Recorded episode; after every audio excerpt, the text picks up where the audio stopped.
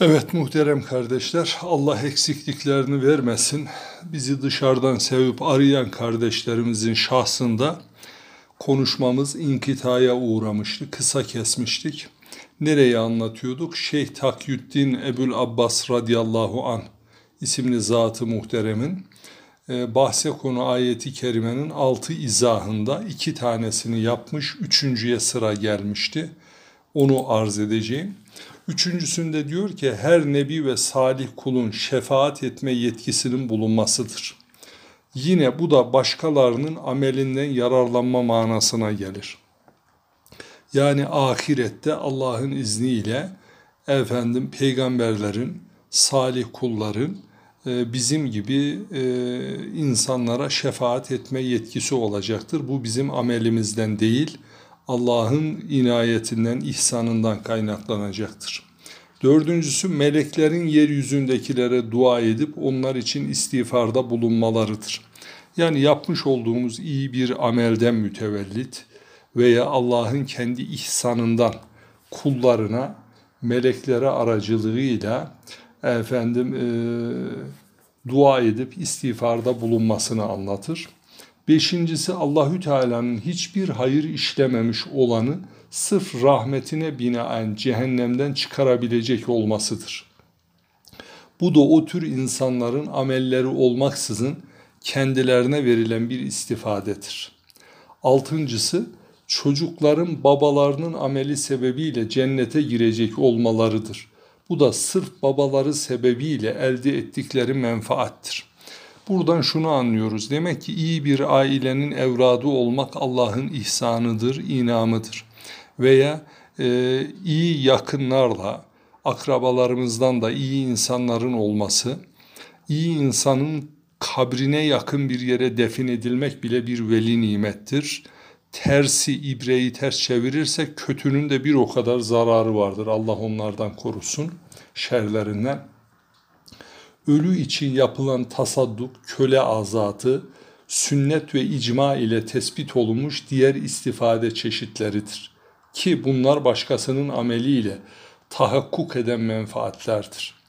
Yine sünnete göre bir kimsenin farz olan haccının, velisinin veya varisinin ifası ile ölüden sakıt olması bir insanın borcundan başka birinin eda etmesiyle sorumluluktan kurtulması nevindendir. Ee, Seyyid Hacı Ahmet Baba babası Şehit Yakup Baba'yı niyet ederek hacca gitmişti.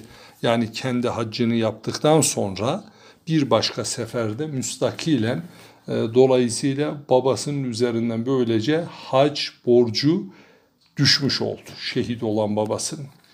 İmam-ı Şafii Hazretleri diyor ki kişinin cenazesini iyi bir adamın yıkaması da yine onun amelinden istifade etmeye işarettir. Yani ne anlıyoruz kardeşler ölümüzde, dirimizde, bu dünyada ve ahirette Allah iyilere yakın eylesin. Çünkü iyilere yakın olursa iyilerin ahvalinden bize de istifade ederiz, müstefit oluruz. Bir takım günahların düşmesine benzer. Yani aktar dükkanına girdiğimiz zaman güzel raihalarla çıkarız. Debbağ dükkanına girdiğimiz zaman debbağ e, deriyi tabaklayanlar demektir. O küller, pis kokular e, bizim de üzerimize isler sirayet edecektir. Buradan bunu anlayalım. Salih bir komşu hayattayken ölümünde de komşuluğu ile etrafına faydası dokunur. Bu hususta Peygamber Efendimiz buyuruyor ki zikir ehliyle birlikte oturanlara merhamet olunur.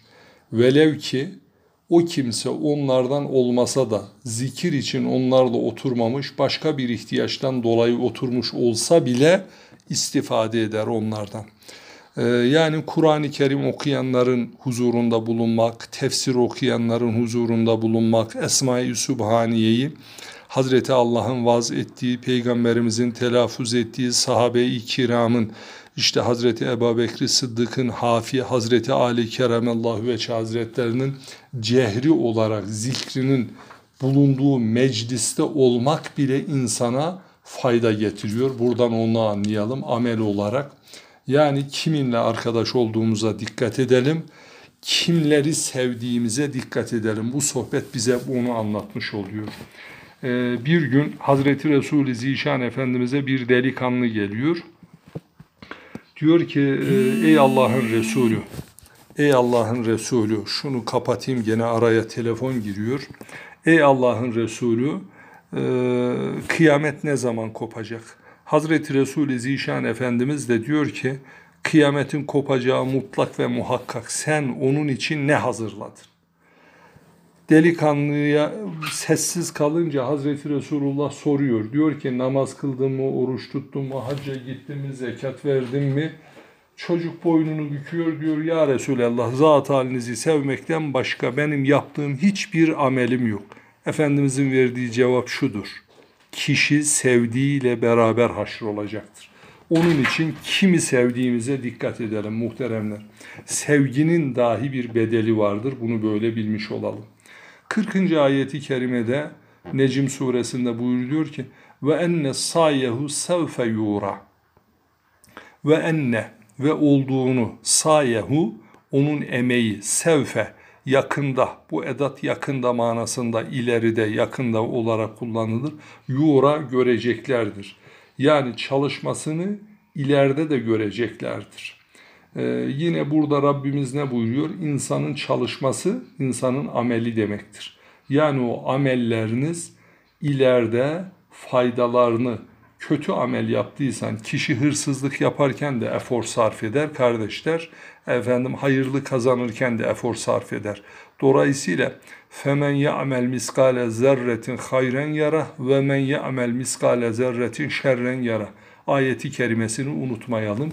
Zerreyi miskal hayrın, zerreyi miskal şerrin mutlak ve muhakkak efendim karşılığı görülecektir. Vasiti isimli bir alim diyor ki söz konusu ayeti kerimenin herhangi bir sevabın celbinin talep edildiği ayet hükmünde değildir. Kul sayini görecek, say yani gayreti demektir.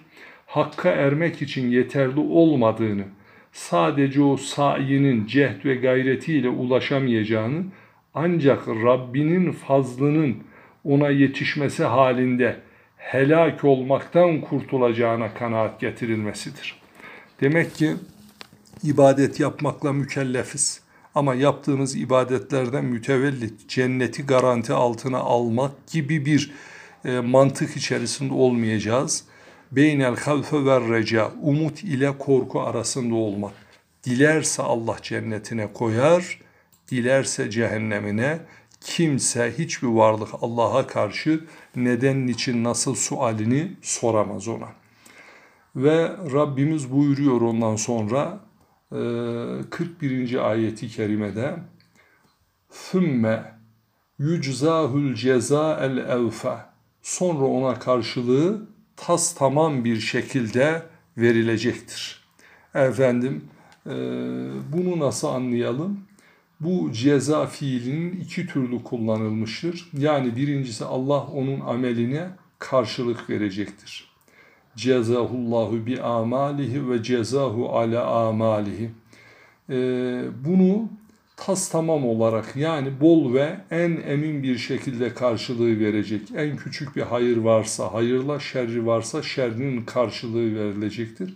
Buradaki kelimenin cezanın nev'ini beyan için gelmiş olmak için o mef'ul kullanılmış.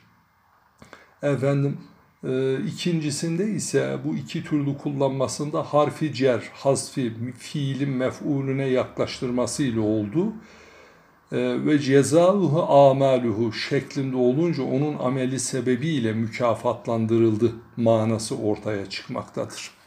Efendim böylece 42. ayeti kerimeye geçiyoruz. Ve enne ila rabbikel münteha ve şüphesiz ki en son varış Rabbinedir münteha nihayete ermek, son varış, dönüş manasında kullanılmaktadır.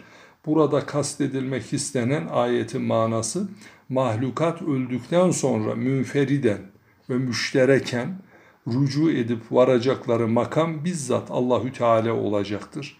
O mahlukatı amellerine göre ceza Arapçada karşılık demek. cezalandıracak. Yani karşılığını ameline göre verecektir. Onun için dikkat ediniz her iş Allah'a rucu eder. Ondan başka ilah yoktur. Karşılığı yalnızca o verir. Yani iyi veya kötü olan her işin karşılığını verecek sadece Cenab-ı Hak Teala Hazretleridir. Efendim bir sonraki ayeti kerimeye bakalım inşallahü teala. Orada da Rabbimiz buyuruyor ki 43. ayeti kerime ve ennehu huve adhaku ve ebqa. Burada güldüren ve ağlatan ancak Allah'tır. Gülmek nefsin sururundan dolayı yüz hatlarının gerilmesi, dişlerimizin ortaya çıkmasıdır. Gülme esnasında dişlerin ortaya çıkmasından dolayı ağzın içindeki ön dişler, Arapçada devahık deniliyor. Yani gülünce beliren dişler adıyla bu ayet tesmiye olmuştur. Hazreti Resul-i Zişan Efendimiz bu manada diyor ki az gülsün çok ağlasınlar. Bunu da şöyle anlıyoruz. Yani e, kişinin kahkaha ile gülmesi Peygamber Efendimiz kendi yapmadığı gibi ümmeti için de pek hoş görmemiş. Efendim ağlamaktan kasıt ise samimi içten riyasız bir şekilde e, nedametle dökülen günah karşısındaki gözyaşlarının yıkadığı kalbi hiçbir günah kirletemiyor. Yani temizliyor. Samimi içten riyasız bir manada olursa. Ee, gene burada e, biz bu gülmek ve ağlamak üzerinden Rabbimize gidelim. Diyelim ki Hazreti Allah gülme ve ağlama kuvvetini yarattı. Ve insandan başka hiçbir varlık efendim kendi cinsine karşı da tebessüm edemez, gülemez. Bu da Allah'ın insanlara verdiği bir nimettir. Yani gülmek ve ağlamak burada hüzünden kinayedir feraha kavuşturan, hüzne gark eden yine Hazreti Allah'tır. Sevinç gülmeyi, hüzün de ağlamayı celbeder. Bu ayetin bir başka manası ise insanı salih amellere nail kıldırarak sevindiren ve ona nail kılmayarak hüzünlendiren yine Cenab-ı Hak Teala Hazretleridir. Hazreti Ayşe radıyallahu anha e, annemiz diyor ki Hazreti Resul-i Zişan Efendimiz gülmekte olan bir topluluğun yanından geçerken benim bildiğimi siz bilmiş olsaydınız çok ağlar az gülerdiniz diye buyurdu. Cebrail aleyhisselam indi ona dedi ki Allahü Teala'nın doğrusu güldüren de Allah Allah'tır, ağlatan da Allah'tır ayetinin inzal olduğu haberini verdi ve böylece Peygamber Efendimiz o cemaate döndü. Dedi ki 40 adım atmamıştım ki Cebrail geldi ve bana dedi ki bu topluluğun yanına git. Onlara Allahü Teala'nın doğrusu güldüren de ağlatan da odur diye buyurduğunu söyle. Ee, Yahya aleyhisselam ile İsa aleyhisselam arasındaki bir konuşma bahsediliyor bize. Deniliyor ki Yahya aleyhisselam dedi ki bana ne oluyor ki efendim seni böyle mütese, mütebessim yani Hazreti İsa'yı bir yüzle görüyorum. Ee, sanki sen cehennemden eminsin gibi davranıyorsun. Hazreti İsa diyor ki bana ne oluyor ki seni asık suratlı karamsar bir çehreyle görüyorum. Ondan sonra her ikisi de Allahü Teala bu konuda vahiy indirmeden bu sözlerimiz üzerinden ayrılmayalım diye anlaştılar ve Allahü Teala onlara mütebessim çehreli olun. Benim kanaatimi sorarsanız ben, bana en yakın olanınız en güzel çehreli mütebessim olanınızdır.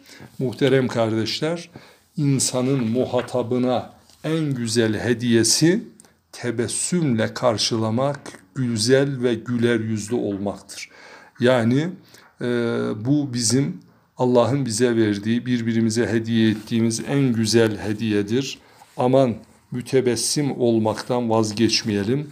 Asık, abuz şehreler insanı huzursuz eder, rahatsız eder. Bunu da böylece bilmiş olalım inşallah.